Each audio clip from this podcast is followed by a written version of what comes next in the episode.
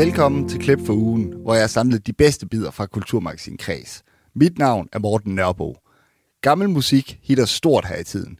I toppen af hitlisten.nu ligger en ny udgave af kæmpehittet I'm Blue, og det sidste år har megahits fra f.eks. Infernal og Thomas Helmi fået en tur mere på hitlisterne. Tendensen dyrker vores trang til nostalgi, og så er det også nemme penge. Men det gør ikke så meget, så længe numrene er gode. Det skal vi høre mere om senere. Parfume, smykker og musik. Antikkens statuer blev præsenteret med fuld blæs på.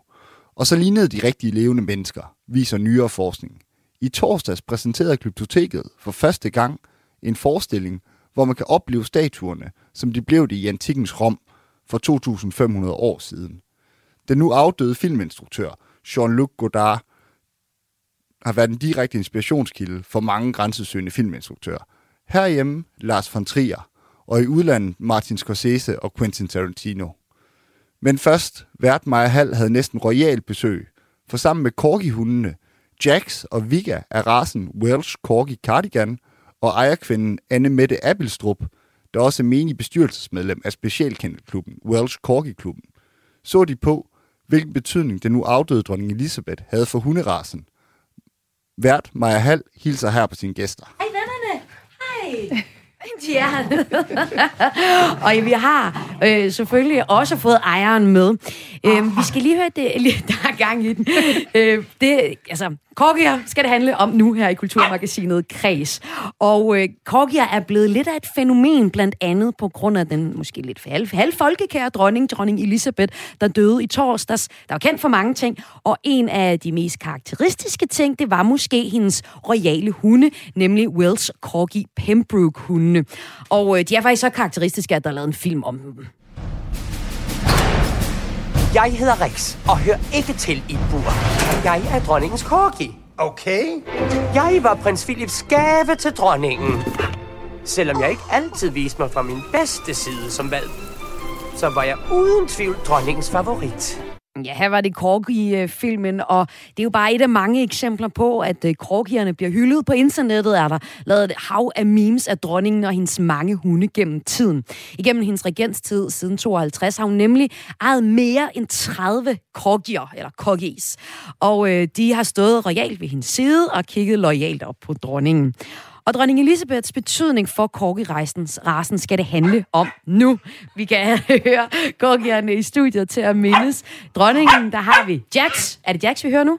Det er Vika. Det er Vika, der er smæk på. Og så har vi også Jax, de er rasen Wells Corgi Cardigan. Og ejerkvinden har vi også med. Det er dig, Anne Mette Al. Øh, af Bilstrup, der er menig øh, bestyrelsesmedlem af Specialkennelklubben Wells Corgi-klubben. Velkommen til dig også. Tak for det.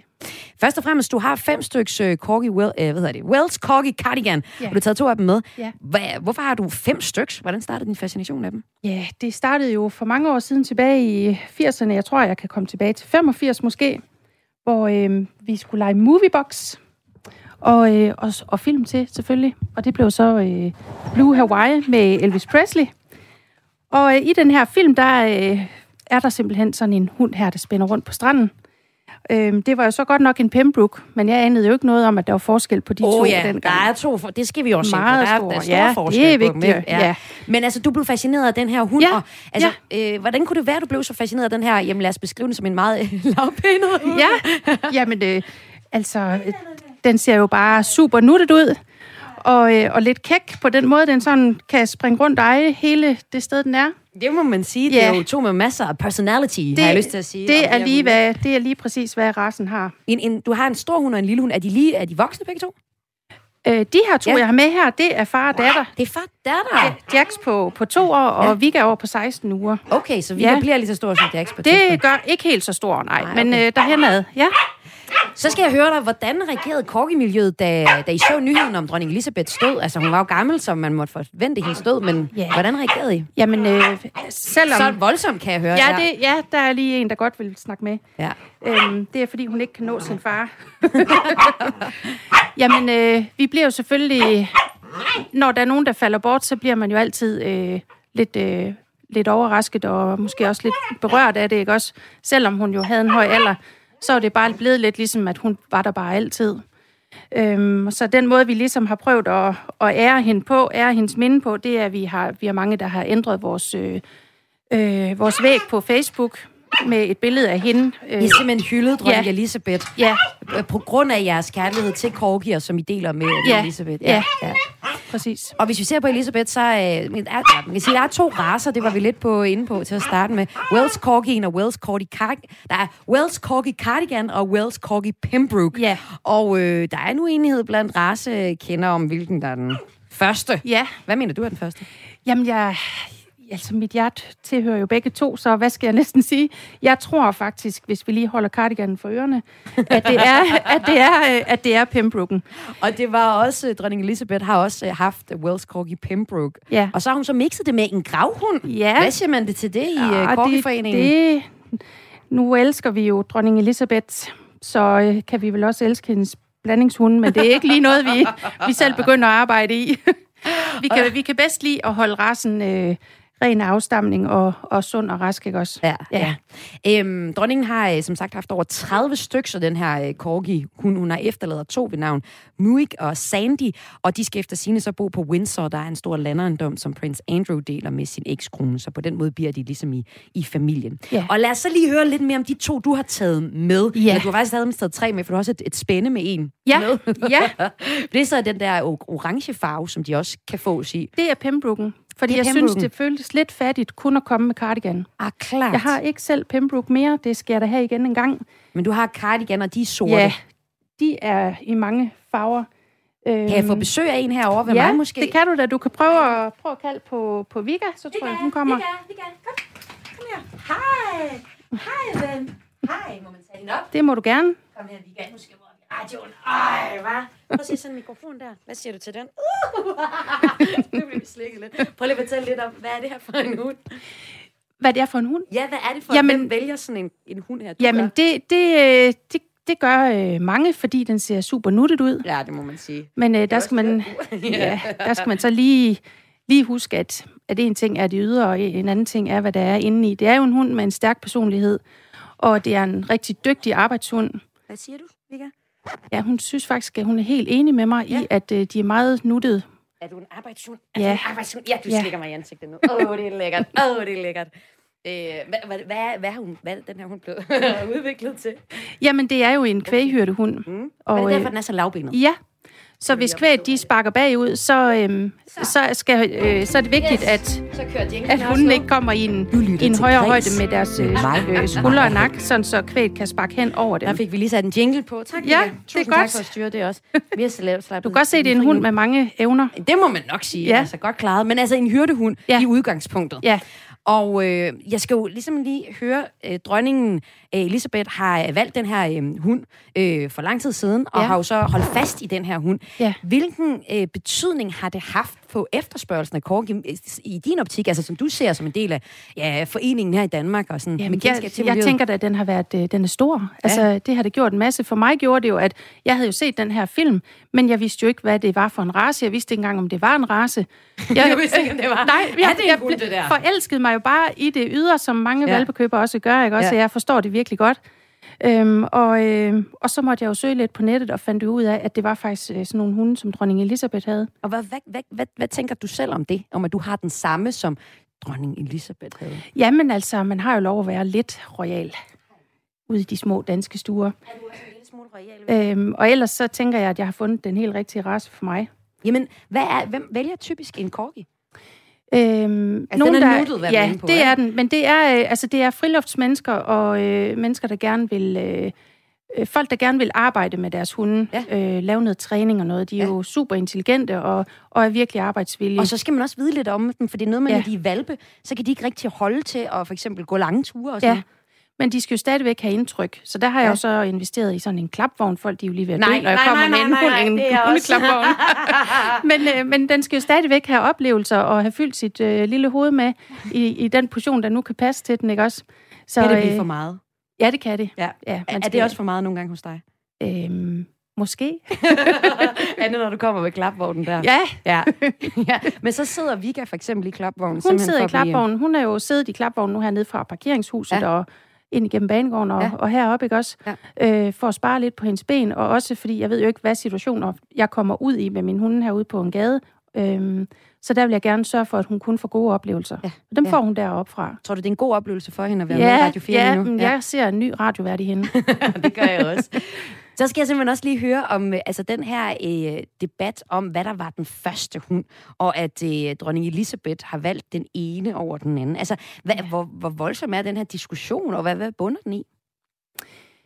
Jamen, øh, jeg tror bare, altså man har bare, der er altid bare lige den der helt specielle hund. Ja. Og sådan en har jeg jo også derhjemme. Ja. Øh, så man kan slet ikke forestille sig, hvordan verden skal se ud den dag, man ikke har den hund Nej. mere. Øh, som min gamle opdrætter, hun sagde til mig, som jeg faktisk har den her, øh, min gamle tæve fra, hun Ja. sagde, øh, selvom du er blevet glad for den her, så øh, når du får en ny hund, så, øh, så bliver du også lige så glad for den, men den vil aldrig være den samme. Nej. Og det har jeg da bare tit tænkt på, og det er hun fuldstændig ret i. Ja, jo også når man tænker på Elisabeth, der har haft tre, over ja. Ja. 30. Ja. Altså sådan, jeg kan huske, at jeg havde øh, en, en kat, da jeg var lille, som blev ved med at hedde Skofus, og det var, fordi den døde enormt mange gange. men, øh, men for mig, da jeg var lille, så var det jo egentlig den samme kat. Men det går Ja. ikke ud fra, at det er det samme med dig. Altså, Nej. der er nogle... Ja, det er der. Og det må der næsten også være med ja. Elisabeth, ikke? Der var den der gode Absolut, ja. absolut. Ja. Ja. Der havde The den one and only. Ja, Ja. der havde den helt øh, rette øh, korgi-udgave. ja. Nu er øh, Elisabeth jo så død. Ja. Der er 10 dages landesorg lige nu. Vi Ja. har fundet ud af, hvor øh, hendes to korgier skal, skal hen. De skal øh, hen til øhm, øh, øh, prins Andrew. Øh, prins Andrew, der jo så faktisk i januar blev frataget alle sine ærestitler og kongelige pligter, fordi han blev sagsøgt i en sag om seksuel misbrug, ja. Og sat i forbindelse med den skandaleramte afdøde rigmand Jeffrey Epstein. Så man kan jo så spekulere om, det er det bedste sted, de lige har landet, men de er jo i hvert fald landet på en stor landejendom, Ja. de her to hunde. Ja. Øh, og det er jo ligesom det, der sker nu øh, eftermælet med de, øh, med, med dronningen og med de to hunde her. Men øh, hvad tror du kommer salget til at boome nu? Altså, memesene lever jo stadig af... Altså, jeg synes, vi, vi fik jo lidt af... Det blev sådan lige lidt meget, da de her to biograffilm, de kom frem. Ja. Fordi folk jo ser jo det nuttede. Ja. Øhm, men, men man skal også være gearet til den race her. Ja. Det er ikke en race for alle. Og hvad angår prins Andrew, så, øhm, så tænker jeg da, at de korgier, han har fået, så de kan hjælpe ham et godt stykke tilbage på ret køl. Ja, hvordan det? Kan hun det? Jamen, de har bare en, en fantastisk personlighed og støtte. Ja. Øhm, de er selvfølgelig også krævende. Det er klart, det er krævende at have en hund. Ja. Øhm, men, øh, men det, man får tilbage, det, øh, det, kan bare ikke, øh, det kan bare ikke måles eller vejes i noget. Og tror du også, at der er flere, der kommer til at, at købe korgier nu, når hun er død? Øh, der, jeg ved ikke, jeg, jeg håber... Så kan man få slikket sig under armen, Ja. som jeg får lige nu. Altså, jeg håber næsten ikke, at der bliver solgt flere, fordi Nej. Hun er død. Men, men det er da klart, at efterspørgselen vil stige men, yderligere. men, men man skal tænke sig om, når man får ja, en korgi. og, og vi som opdrætter passer rigtig godt på og finde, prøve at finde de hjem, der, der, øh, der hvor, hvor rasen er velegnet til, ikke også? Ja, og vi Ja. kan jo i hvert fald sige, at øh, der er en, der har fundet sig et øh, nyt hjem her i øh, Kulturmagasinet. Ja, er det Vika? ja, det synes jeg. Vika er da svært glad for at være her med mig i studiet. Der bliver både øh, renset mås, og jeg får også øh, slikket lidt. Og det kan være, at du simpelthen lige skal sætte en slut slutjingle på. Øh, Vika, hvis du trykker herop, så kan vi begynde at sige, hvis du trykker der. Kan du trykke der? Yes, det kunne hun godt. Uh, Du lytter til Græs med mig, Maja Hall. Og det gør du faktisk ikke meget længere, fordi vi er ved at være færdige med den her udgave af Kulturmagasinet Kreds, hvor vi aller sidst her har haft besøg, eller har lige nu besøg af Jax og Vigas, som er to korgier, og også dig, Anne Mette øh, Bilstrup, som er bestyrelsesmedlem af specialkendeklubben Wells Korgi-klubben. Tusind tak, fordi du var med. Selv tak. Ja, tak til jer alle sammen. I har været søde og stille her til sidst. Det er, det er, det er okay. I må godt sige noget til sidst, hvis I har en afsluttende bemærkning, Vika. Altså, Jax er sur, Jeg er ikke så sur. Han er det blevet fordi, overset. Ja, Ja. det er klart. Det, er. det så han har godt. lagt sig ned. Du lytter til et klip for ugen på Kulturmagasin Kreds. Mit navn er Morten Nørbo. Det var altså her, vært Maja Hall, der dykkede ned i korgihunden med sine gæster. Om lidt skal vi se på, hvordan romerne oplevede deres statuer. Men det var også ugen, hvor en af Lars von Triers helt store inspirationskilder døde. Lars von Trier kender de fleste nok for hans meget grænsesøgende film, som blandt andet handler om seriemorder og sex. Denne grænsesøgende stil, som man bruger i sin film, falder heller ikke i alle smag. Eksempelvis udvandrede flere hundrede fra biografsalen, da filmen The House That Jack Built havde premiere til filmfestivalen i Cannes. Og denne type film, hvor man hele tiden vil provokere, er noget, han er blevet inspireret af fra den nu afdøde franske filminstruktør Jean-Luc Godard. Det mener vært Maja Hals næste gæst, Nils Frid Nielsen, journalist og kulturkommentator i hvert fald. Jamen altså, Jean-Luc Godard, han var sådan en øh, vred ung mand, der gik rundt helt tilbage i 50'erne og så sig rigtig godt sur på Hollywood-filmen. Den var alt for sødsupperagtig, den var alt for konventionel og almindelig, og den dyrkede kun pæne mennesker. Han ville have det grimme, det realistiske, hverdagen ind, som Dan Turell siger, jeg holder af hverdagen, mest af alt holder jeg af hverdagen. Jean-Luc Godard, han ville allerede i 50'erne have hverdagen ind i spillefilmen. Og, og nede i Paris, så begyndte han så at lave film, der udspillede sig blandt luder og lommetyve, og hans store gennembrudsfilm, Åndeløs, den handlede simpelthen om en, om en øh, lommetyv og morder, øh, der strejfede omkring i, øh, i, øh, i Paris. Det var øh, en gangsterfilm, men med modsat fortegn. Gangsteren var lige pludselig blevet til helt. Og den her vende det hele på hovedet og insistere på, øh, vi vil se livet som det er. Vi vil se det ikke i flotte øh, studier, som vi kender fra Hollywood, men på gader og stræder, ude blandt det, man i USA kalder the low life det har jo altså inspireret sådan en, som, øh, som, som du siger, Lars von Trier, der har lavet film om, om idioter, om folk, der skærer ud på alle mulige måder, men også filmkunstens helt store folk, sådan en som Martin Scorsese, øh, der har lavet film som Taxi Driver, hvor en ensom taxichauffør, øh, fra 2. verdens, fra Vietnamkrigen, kører rundt i New Yorks nat og møder de værste udskud. Mm. Eller tænk på sådan en som Øh, øh, Tarantino, Quentin Tarantino, der i Pulp Fiction gør John øh, Travolta, øh, gangsteren John Travolta til, til held, og man ser, hvordan det at dræbe mennesker for ham nærmest er en kunstart. Så den der altså- antihelt. Altså, han har simpelthen det er antiheltene, mm. og, og dem vi normalt ikke putter op på det store lærred. Han klaskede derop. Ja. Og Godard, han blev født i Paris i 1930'erne af fransk-svejsiske forældre, og var med til at, at dominere fransk film i 60'erne. Han var ret produktiv, sådan to-tre film om året, mm, og, mm. og altså nogle film, som er blevet set af store øh, filmskabere gennem tiden. At vi starter med at nævne von Trier, der er blevet inspireret til sådan en film som øh, Idioterne, men også de her øh, store anerkendte instruktører som Martin Scorsese og øh, Quentin Tarantino, som du nævner. Vi skal lige høre et klip med Quentin Tarantino i et interview øh, med øh, filmkometen, journalisten øh, Gavin Smith fra 94, om hans forhold til Godard, kort tid efter biografpremieren med, på det, der senere blev klassikeren Pulp Fiction. Her er det altså Quentin Tarantino, der fortæller om hans forhold til Godard. Godard is the one who taught me the fun and the freedom and the joy of, of breaking rules. You know, setting up a close up on the back of somebody's head as opposed to, you know, and, and just fucking around with the entire medium, all right, uh, and breaking rules. But I consider Godard to be to cinema what Bob Dylan was In to music. En Bob Dylan. Altså, hvad Bob Dylan gjorde for musik. Godard har lært mig det sjove, frie og morsomme i at bryde reglerne. Og ser altså Godard som at være det for film, som Bob Dylan har været for musik, hører vi her Quentin Tarantino sige om Godard, som altså kom ud i går, at han er, er død. Altså, du siger jo, at, at man med, med Scorsese og Tarantino og også øh, von Trier kan se det her lejende take på det, og vi er nede på jorden og realismen. Men når vi nævner Scorsese og Tarantino og von Trier, så er der også nogle med nogle kæmpe produktioner, og øh, Tarantino Tarantino og Scorsese, det er jo altså også noget, vi tit også tænker Hollywood-produktioner i forhold til. Men så, så hvad er det sådan helt konkret? Altså det pæne og poleret, det, det, hvad, er det, hvad er det helt konkret, man mm. kan se i øh, for eksempel Scorseses øh, film? Altså det, det, det, som øh, Godard gør, det er at han bringer filmen ud på gaden. Før, før uh, 60'ernes europæiske film, franske film med Godard i spidsen, så var uh, film, det var sådan der foregik inde i pæne studier, mm. hvor uh, det blæste aldrig, solen skinnede altid, og regnvejr var noget, som ikke var med på spillefilm. Han hæv, Godard hævde kameraet ud på gaden, øh, og det var det, som Scorsese blev så inspireret af. Scorsese begyndte at filme New York om natten. Alt det, vi i dag synes er super fedt, det havde man ikke set før dengang. Altså, at du kan filme ude på gaden, du kan filme vandpytter, du kan øh, neonlyset, der lyser om natten osv.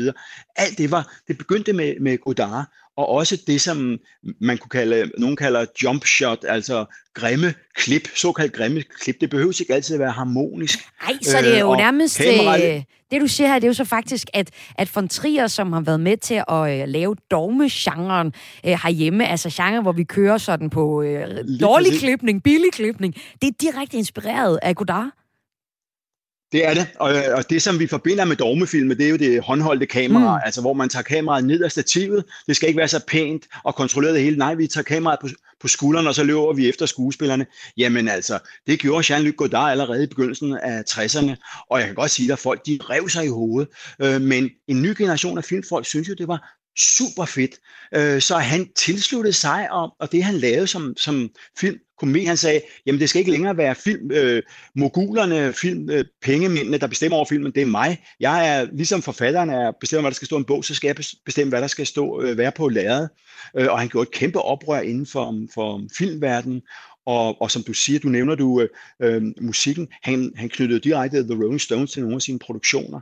Øh, han øh, i 68, hvor der var op, ungdomsoprør i hele verden, og studenterne i Paris, de, øh, de stormede universitetet, jamen der stormede han øh, filmpalæet i, i Cannes og nægtede at, øh, at lade dem vise sine film og opfordrede til, at man skulle nedlægge øh, øh, filmfestivalen i Cannes i solidaritet med studenterne og arbejderne inde i, i Paris, som øh, var i gang med at gøre oprør. Så han er en oprørssjæl, han har gjort oprør ind mod alle mulige regler inden for filmkunsten, men han har også brugt sin, bragt sin film ud og sagt, at de skal være en del af oprøret mod det øh, etablerede samfund. Mm. Og der kan man jo sige til nogle typer som Lars von Trier, det har han jo nok også øh, ladet sig inspirere af. Det tror jeg også, øh, det er også noget, Tarantino synes er fantastisk. Ja, og når vi og så, så også ja. alle de der hils... Og når Jamen vi, altså også ja, det, at han, han, han, øh, hans film, han er, det, det er ikke gangsterfilm, men så er det det alligevel. Og Mm. det ser du jo også hos Scor- øh, Scorsese, når, han ser, når vi ser gangster grave lige ned i baghaven og så videre. Ikke? Det er så skræbt, at, øh, at det, var, det var ikke noget, der var set før de her folk. Og, og så ser du så, øh, nu nævner vi jo name dropper vi de her store instruktører, von Trier, mm. Scorsese og Qu- øh, Quentin Tarantino. Og faktisk har du også en pointe med, at grunden til, at vi overhovedet ved, hvem de her instruktører, hvem de her filmskabere er, jamen det er også på grund af Godard. Fordi før Godard, så kendte vi kun skuespillerne. Hvordan har han ændret det? Ved at sige, at øh, det er instruktøren, der er konge over filmen. Det skal ikke være alle mulige pengemænd, der bestemmer, hvor lang filmen skal være, eller hvordan den skal se ud. Det skal heller ikke være stjernerne. Stjernerne, filmstjernerne, de er gode, men filmens sjæl, den tilhører øh, instruktøren, og det er instruktøren, der er konge og bestemmer. Okay, så han var også glad for sig selv. TV-serier, han var glad for sig selv, og han vidste godt, mm. øh, han var selvbevidst. Øh, og man kan sige, at i dag der er jo sket et skift. Der er det i høj grad forfatterne, der er konge over tv-serierne. Øh, der for, forbinder du altså en tv-serie med Søren Svejstrup for eksempel. Det er, det er ham, øh, hvad- tændstikmanden, ikke? Øh, det, det er ja. forfatteren, vi forbinder med... Ja, Kastanjemanden, undskyld. Øh, Øh, men, men, men Godard han går altså ind og siger, nej, filmen er ikke producentens, det er ikke filmkøbmandens, det er min film, og jeg skal nok bestemme, hvordan den skal se ud. Og det har så nogen som, kan, øh, som Scorsese og Tarantino, eller som Trier jo taget til sig, og det er jo derfor, de i dag laver lange film, de siger, der er ikke nogen, der skal komme og sige, om den min film skal være 90 minutter eller 130 minutter. Det bestemmer det kunstneriske indhold. Så han er sådan en, der aldrig er gået på kompromis, og han har sagt til de nye generationer, kæmp for det, som I synes er sandt, øh, og lav filmen præcis, som I synes, fordi det er det, det handler om. Det handler om at søge det sande udtryk. Jean-Luc Godard blev altså 91 år gammel. Til at snakke om hans betydning havde vært mig halv besøg af Niels Frid Nielsen, journalist og kulturkommentator. Du lytter til et klip fra ugen på Kulturmagasin Kreds. Mit navn er Morten Nørbo. Om lidt skal vi dykke ned i, hvordan gammel musik begynder at hit igen. Men nu skal det handle om antikke statuer. Kolde, hvide figurer hugget i marmor er nok det, du tænker. Men sådan var det faktisk ikke. I antikkens Rom for 2500 år siden blev de smurt ind i parfume, farvelagt og havde smykker og tøj på. Og så var der også musik omkring dem, viser nyere dansk forskning. Musikerne spillede på instrumenter som fløjter, trommer og strengeinstrumenter, og det kunne godt lyde sådan her.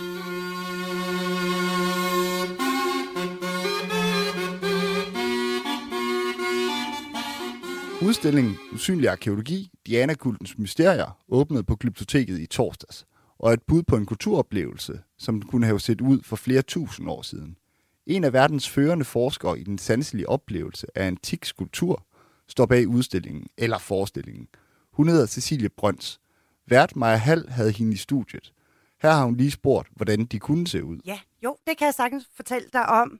Øh, og jeg tror, det er en meget naturlig oplevelse af mange af de her hvide marmorskulpturer. Man kan man nærmest blive marmorblind, når man går ind på glyptoteket. Der sagde du det. Jeg nogle gange har det. Ja, lige præcis. Ja, præcis. Med forlov, ja. Men det, vi har forsket i i lang tid, i 10-15 år inde på glyptoteket, er i, hvordan de her skulpturer oprindeligt var bemalet. Altså alle de farver, der blev brugt til at male hud og hår og tøj og så videre. Jamen, det lyder simpelthen altså været... så skønt kikset. Man malede ja. på dem. Det har I vidst i et stykke tid. Jeg, ja.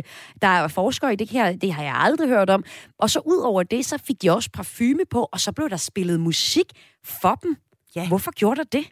Ja, men det var en del af hele det her sanselige oplevelse af skulpturen. Man kan sige, at marmoren var bare det første lag. Det blev så bemalet og iklædt rigtige tekstiler, altså dragter, og smykker selvfølgelig, og smurt i parfumer, især rosenparfumer. Og så blev de altså også omgivet af musik. Ja, hvorfor? Jamen, det var netop for at få dem til at virke levende.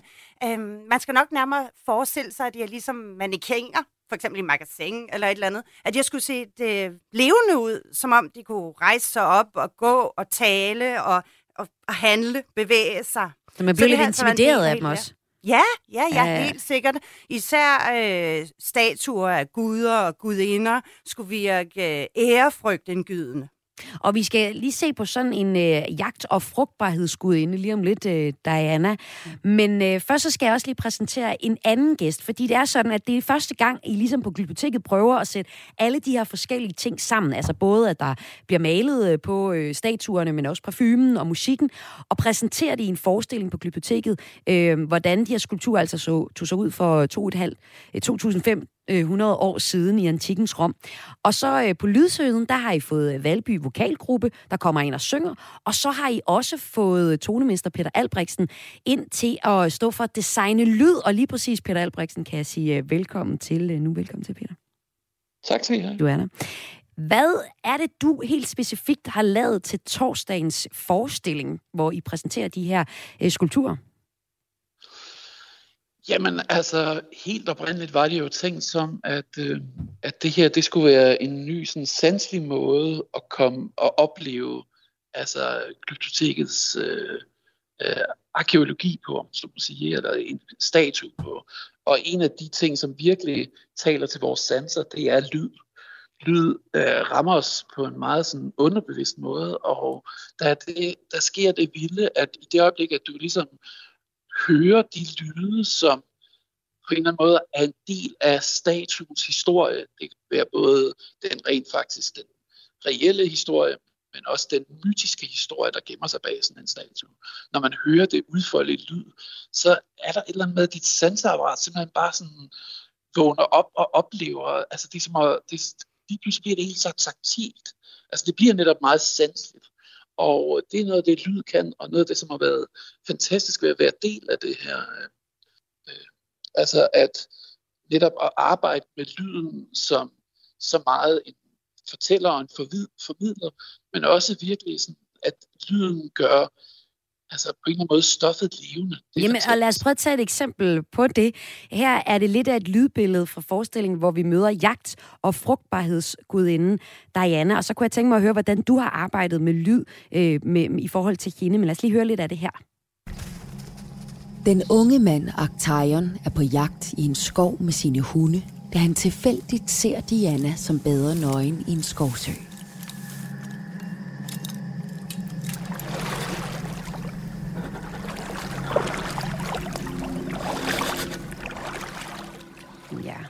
Her var det et bid af myten om den øh, romerske jagtgudinde Diana, som, øh, som hvis man skulle fortælle den i, i dag. Og prøv lige at tage os med igennem, hvad er det for en historie, som du er med til at fortælle, Peter, her? Det her, det er jo i høj grad ligesom, hvad kan man sige, det mytiske aspekt af, af figuren Diana. Altså høre om, hvordan, hvad er det, hun gjorde, hvad, hvad var hendes kræfter, hvad var det magiske ved hende. Og det, er noget af det, som vi ligesom øh, kan åbne op for i lydsiden, fordi at med lyden, altså lige pludselig sådan, ja, her, bare i det her lille klip, man kan mærke vand, man kan mærke naturen. Man får en følelse af at, ligesom at være der selv. Øh, og på den måde, så, øh, så synes jeg, det er jo enormt fascinerende, fordi normalt, så når du ligesom er, ofte når du er på et museum, så og, og kigger på de her statuer, så, så er det ligesom, det taler ligesom til hjernen. Det er ligesom en, en altså det er jo en meget intellektuelt stimulerende oplevelse. Men det, der sker her, det er, at det taler til følelserne, det taler til hjertet, det taler til, øh, at det taler til sandheden. Så det er sådan en helt anderledes måde at ligesom gøre det her levende på. Og Cecilie Brøns, det er jo så dig, der har været med til at øh, finde frem til, at man også præsenterede statuer i antikens øh, Rom med øh, musik og øh, smykker og parfumer og de her forskellige ting. Og så er der jo så også det her lag, hvor Peter Albrechtsen har øh, sat lyd til den fortælling, der er om de forskellige figurer, som I præsenterer på Glyptoteket. Hvad, synes, hvad, hvad tænker du, det gør af ekstra for øh, formidlingen, at, at de har valgt at tage det lag med?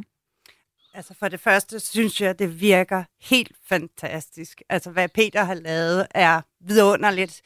Fordi det vi også gerne vil, det er at vække folks fantasi til live. Når man går ind i glyptoteket og ser skulpturerne, at man ligesom, ja, lader fantasien råde og ser ud over de her hvide marmorskulpturer og forestiller sig, hvordan de har været i en antik helligdom, for eksempel og omgivet af lyde og mennesker og, eller natur for den sags skyld.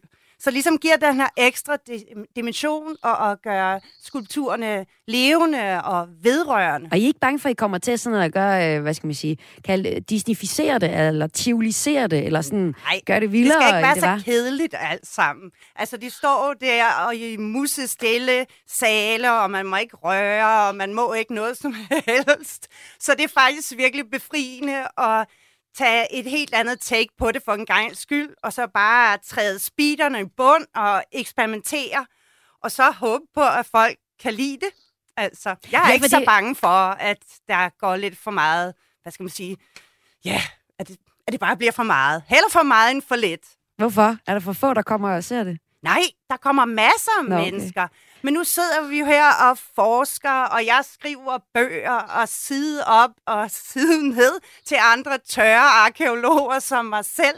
Men vi vil rigtig gerne have, at vores gæster også får en idé om, hvordan det har været, og få indblik i den forskning, der foregår på for eksempel Glyptoteket. Og noget af den forskning, det er jo altså det, I præsenterer i uh, torsdagens forestilling, hvor I i forbindelse med Golden Days præsenterer, hvordan de her antikke øh, skulpturer uh, så ud i, i datiden, altså blev præsenteret med, med fuld blæs på, som du også beskriver her, Cecilie. Det er første gang, I prøver at gøre det. Tror du, der er en vej ind, hvor man kan gøre mere af det her i fremtiden? Altså præsentere skulpturerne, som de blev øh, dengang, de blev lavet for mange da. tusind år altså, siden? det her, det er totalt eksperimenterende, og vi prøver jo at lave noget helt nyt, som man ikke har lavet på nogle andre museer øhm, med antikke samlinger. Så selvfølgelig, og meget mere af det, altså. Og hvis folk kan lide det på torsdag, så laver vi endnu mere. Og, og Peter, Og jeg tror, ja. også, jeg tror også, man ligesom altså skal huske på, at publikum nu om dagen, altså de har altså en, altså man er vant til ligesom at få formidlet øh, kulturoplevelser på mange forskellige måder til mange forskellige sanser. Så jeg synes jo, at det her det er en fantastisk befriende og meget fantasifuld og inspirerende måde at formidle det her stof på. Det gør jo, at du lige pludselig oplever det her på en, på en helt ny måde. Og det er jo i hvert fald også helt nyt for mig at høre, at de her marmorstatuer, de øh, rent faktisk også lige øh, fik en god sweater på, eller noget pænt tøj, tror jeg. Det var nok lidt mere, det var. Ja. Tusind tak, fordi I var med her i Kulturmagasinet Græs til at, øh, ja, måske, øh, ja, sådan jeg kom lidt af med den der øh, marmorsyge, eller hvad var det, du kaldte den? det håber jeg. Marmorblindhed. Marmorblindhed. Tak for, I, I var med her. Her var det altså klassisk arkeolog og museumsinspektør på Ny Carlsberg Glyptotek i København, Cecilie Brøns og lyddesigner Peter Albrechtsen. Det var altså lidt om antikke statuer. Nu skal vi fra noget meget gammelt musik over til noget, der bare er lidt gammelt. I toppen af hitlisterne ligger nemlig et nummer, som du helt sikkert kender, hvis du har en radio tændt i 90'erne. Det lyder sådan her.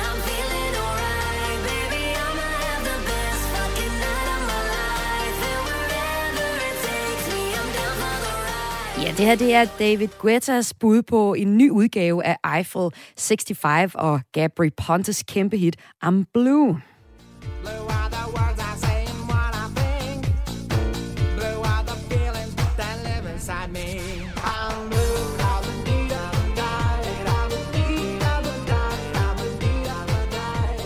Og det her, det er bare det seneste eksempel på et gammelt nummer, der er blevet opdateret. Måske har fået et nyt vers, og nu for anden gang i nummerets liv turnerer rundt på øh, hitlisterne. Genbrug i musik er som sådan ikke nyt, men der er en markant tendens lige nu, skriver sound, kultursejtet Soundvenue, og oplister en række eksempler, som vi skal se nærmere på nu. Et andet eksempel, det er Thomas Helmis megahit Stupid Man, som kunstneren Gobs har skrevet et nyt vers til og udgiver. Det samme gælder sangen From Paris to Berlin med den danske gruppe Infernal, et nummer fra 2004, der er blevet opdateret af kunstnerne Jamilian og Branko.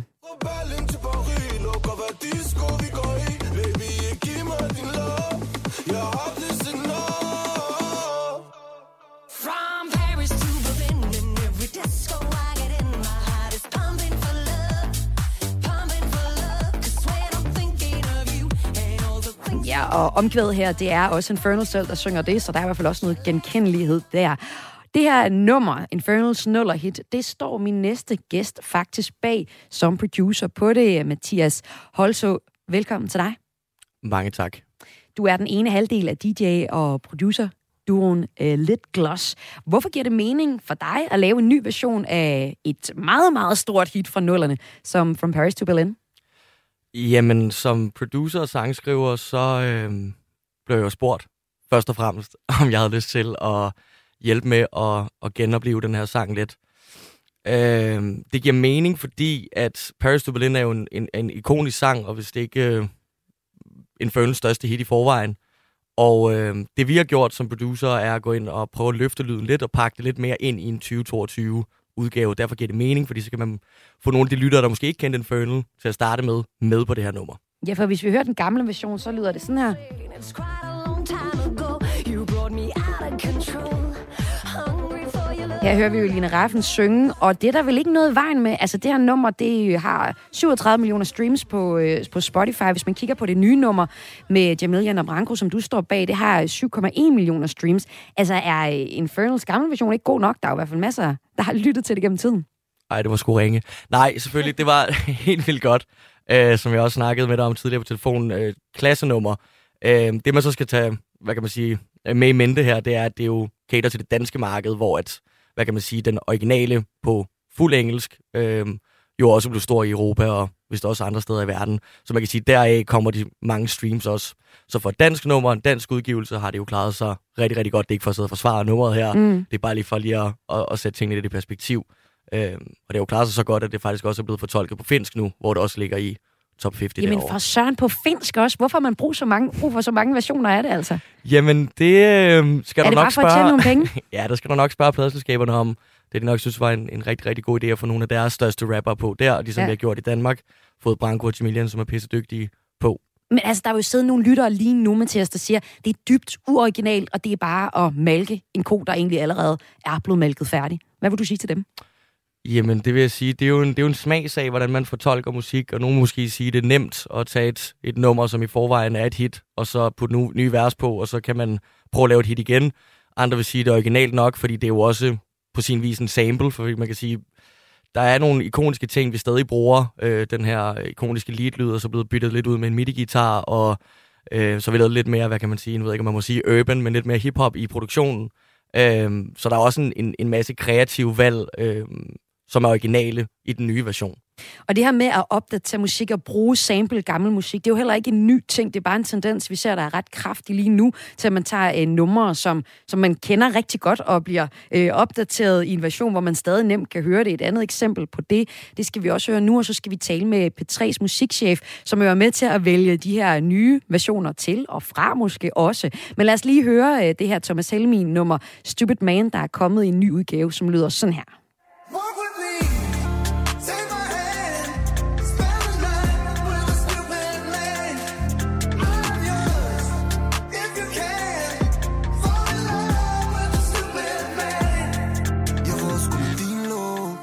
Jeg var reason Du tæmmer mig min demons. Baby, we deep in. For du ved, du er min Ja, det er jo så her, at kunstneren Gops går ind og laver et øh, nyt, nogle nye vers til det her Thomas Helmi-nummer fra 94, som jo lyder ikke helt som originalen, men der er også ret meget, vi kan genkende.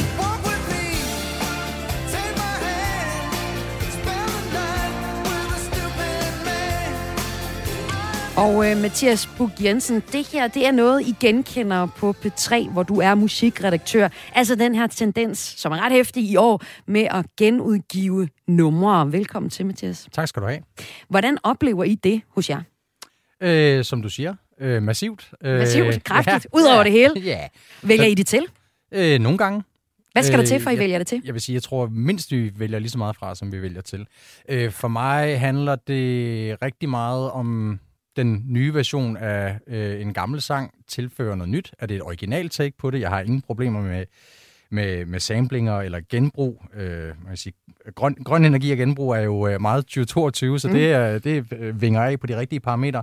Er det her et originalt take, eller kan man underliggende godt fornemme, at det er en øh, kalkuleret, kalkuleret øh, for nu at blive dit billedsprog, streamingkode, der skal malkes? Øh, er det en Øh, er det en, en klog pengeting at gøre? Men er det ikke altid lidt det, Mathias? Det behøver det ikke at være.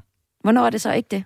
Når, når det lykkes godt, altså det største hit i Storbritannien, for eksempel den her sommer, øh, en duo, der hedder LF System, har, har været det, man sådan i fagtermer øh, kalder øh, øh, gode til at crate digge. Altså de har fundet gamle samples frem for sådan en, en øh, svedig 70'er soul R&B ting, og inkorporeret den på en meget, meget ny original måde, og har, har, har fået det, man på de kanter kalder øh, Song of the Summer, øh, med et nummer, der hedder Afraid to Feel, som er øh, dybt originalt og godt lavet, og øh, et skørt nummer på mange ledere og kanter.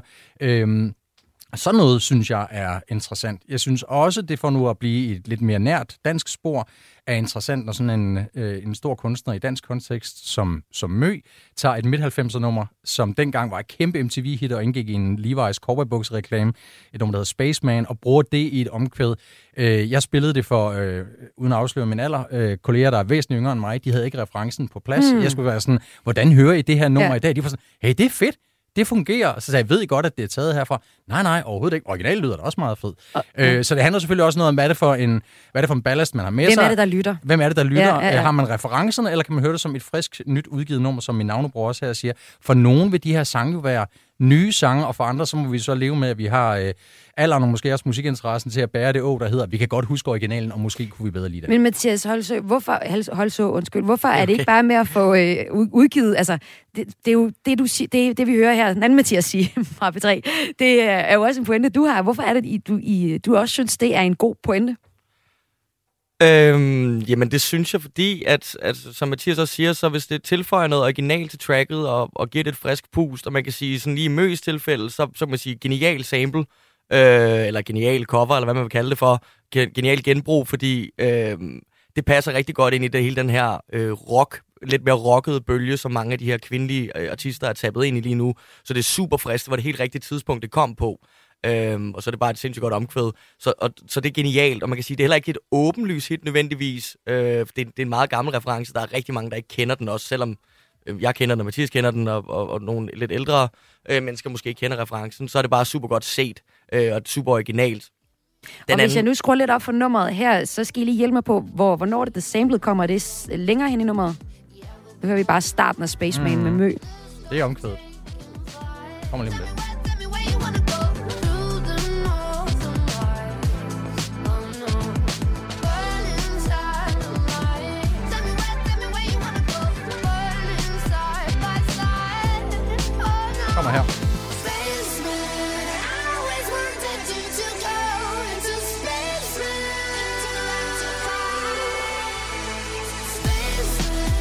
Altså nummeret Spaceman, som vi hører i Kulturmagasinet Kreds, hvor vi taler om genbrug i musikken, og hvornår det fungerer.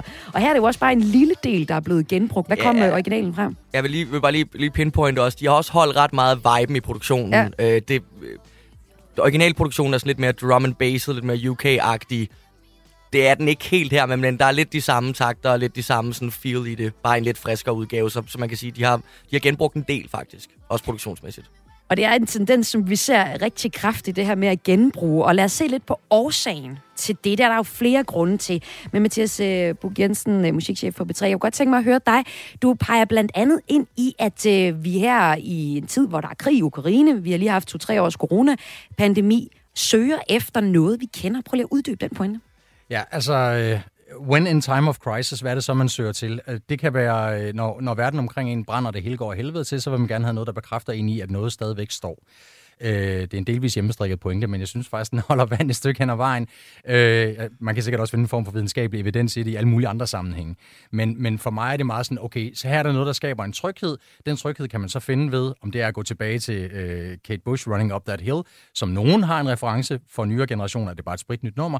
Eller som ved, man så på øh, i den her Stranger øh, Things, Stranger ja, Things-serie. Ja. Ja. Øh, eller det er ved at høre nyfortolkninger af sange, man i forvejen har et godt forhold til. Øh, for eksempel Stupid Man, som du spillede tidligere, eller øh, Infernal med nyt tøj på, øh, From Paris to Berlin. At det er sådan en, okay, endelig er der da noget, jeg øh, godt ved, hvad er, eller i hvert fald minder mig om noget, jeg godt ved, hvad er. Øh, sådan rent, tror jeg, sådan menneskeligt, øh, psykologisk, er det en nogenlunde valid pointe, øh, men det er også bare et, et af flere elementer. Øh, for nogen er det også, som jeg også sagde før, en hurtig genvej til, hvis man er dygtig til at lave det, har lavet noget originalt, der fænger øh, nogle øh, hurtige eller lidt langsommere penge.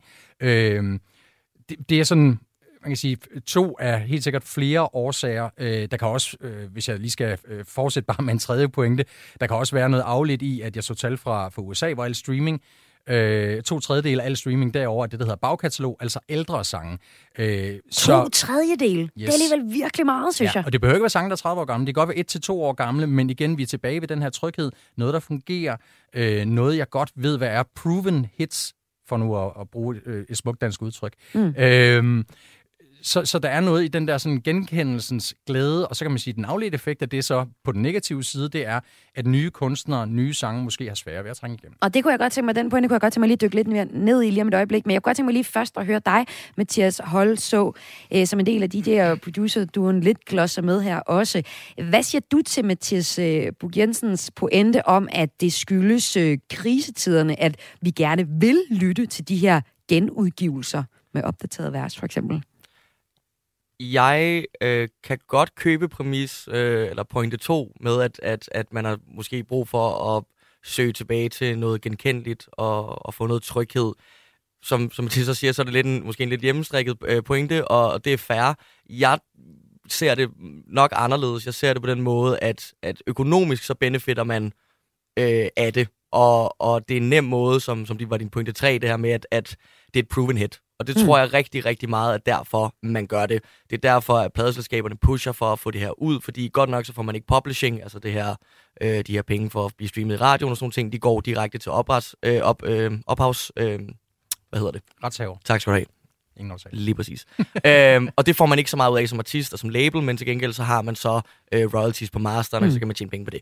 Så, så som lidt gloss, der har I også øh, udgivet Milkshake, Kalises øh, også gammel hit, i en opdateret øh, version, hvor de primært er sådan øh, tempoet øh, for øh, lægmand og forklare lytteren, hvad der sker på det nummer. Ja. Øhm, men, men det er ikke noget, I tjener på?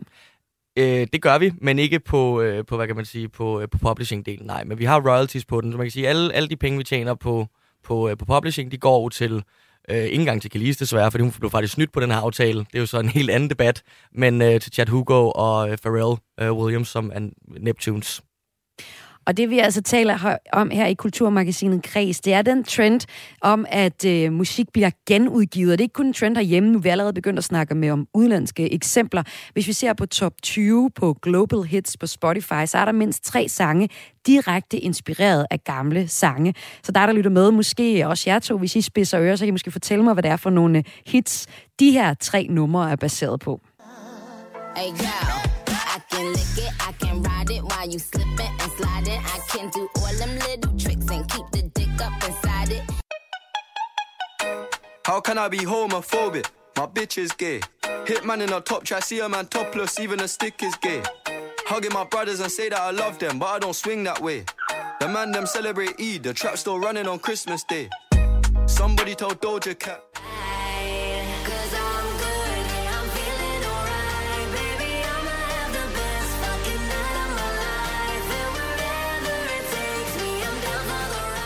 Ja, her i Kulturmagasinet Kreds ser vi nærmere på genbrug i musikken, og jeg har lige spillet tre eksempler fra øh, den 20 internationale 20 top 20 ja, international top 20 liste på Spotify, hvor de finder de her tre eksempler. Jeg ved ikke, om jeg, Mathias øh, og Mathias, som jeg har med, kan fortælle, hvad det er for nogle numre, vi, øh, vi hører, altså hvor de kommer fra. Jeg går, altså, jeg går rigtig meget til musikquiz. Jeg har fuld plade. Må jeg høre så? Jeg kan ikke huske toeren, men Okay. øh, jeg har de to andre. Okay, Ja, den, den, den første, som er det nye Nicki Minaj-nummer, det er løftet af Rick James' Super Freak, som mm. MC Hammer også fik et hit med i 90'erne. You. Can't Touch This. Uh, you can't touch this. Uh, Gwen Stefani, Let Me Blow Your Mind. Check. Og toeren, som Central C har lavet uh, et take på. Og den sidste var uh, så den, der er højaktuel lige nu. Mm. Uh, og af urensagelige grunde, som mine ører ikke forstår, er nummer et rigtig mange steder. uh, David Guetta Baby Rex's udgave af Eiffel 65's Blue. Lige præcis. Og det er så et nummer, du ikke synes er så fedt, eller hvad? Bliver P3's Øh, lyttere så ikke udsat for det nummer? Jo, det kan det godt gøre på særligt udvalgte tidspunkter. Altså, vi har Når også... du ikke tænder på radioen. Nej. Jeg synes, det er et klokkeklart P3 hit. Jeg fatter det ikke. Nej, det bliver spillet på særligt udvalgte tidspunkter. Man kan sige, øh, så kommer vi lige pludselig ind på, hvad er vores opdrag, Ja, og er klart. skubbe øh, gerne ny original dansk musik og så Men, videre. men det så kunne er jeg faktisk godt lide. finde plads. I, det kunne jeg jo så godt faktisk tænke mig at lige snakke øh, til sidst med jer om her, hvor jeg har musikansvarlig på B3, Mathias Bug Jensen, og Mathias, en anden Mathias Holså, der er en del af øh, Lidt Gloss.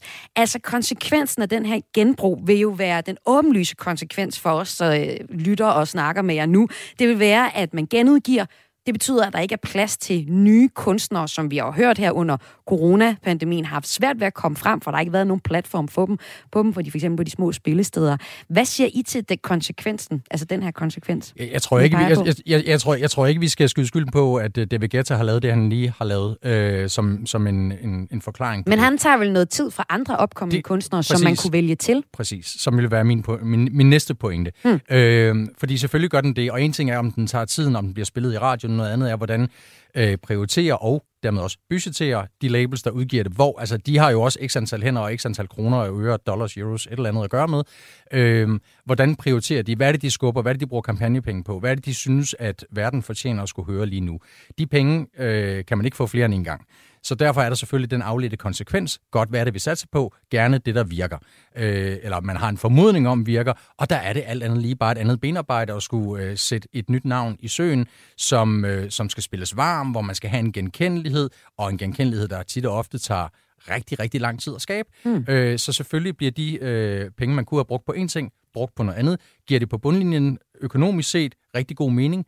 Ja, de har også nogle, øh, nogle investorer og nogen, der sidder øh, i, i baglandet og gerne vil tjene penge ind igen. Ja, og I har jo også Derfor nogle lyttere, som, som også godt kan lide genkendelighed, selvfølgelig, som mange kan. Hvad gør I af overvejelser i forhold til det her? Det er, jo, det er jo, du siger, noget vælger vi til, noget vælger vi fra. Vi vælger det fra, hvis det ikke er originalt nok, men hvordan vægter I det i forhold til øh, at, at promovere og at sikre ny dansk musik? Og men det ligger helt naturligt i vores altså, politiske opdrag. Det er sådan, altså, det, er sådan det, det helt underliggende princip for os. Så vi skæler først og fremmest til selvfølgelig, øh, også fordi vi har en, en politisk forpligtelse til at spille mindst 48 procent dansk musik. Så er der nogle ting her, der giver sig selv. Dem kunne vi selvfølgelig godt bruge på at øh, skubbe til nogle kunstnere, der gør brug af noget, vi allerede kender i forvejen.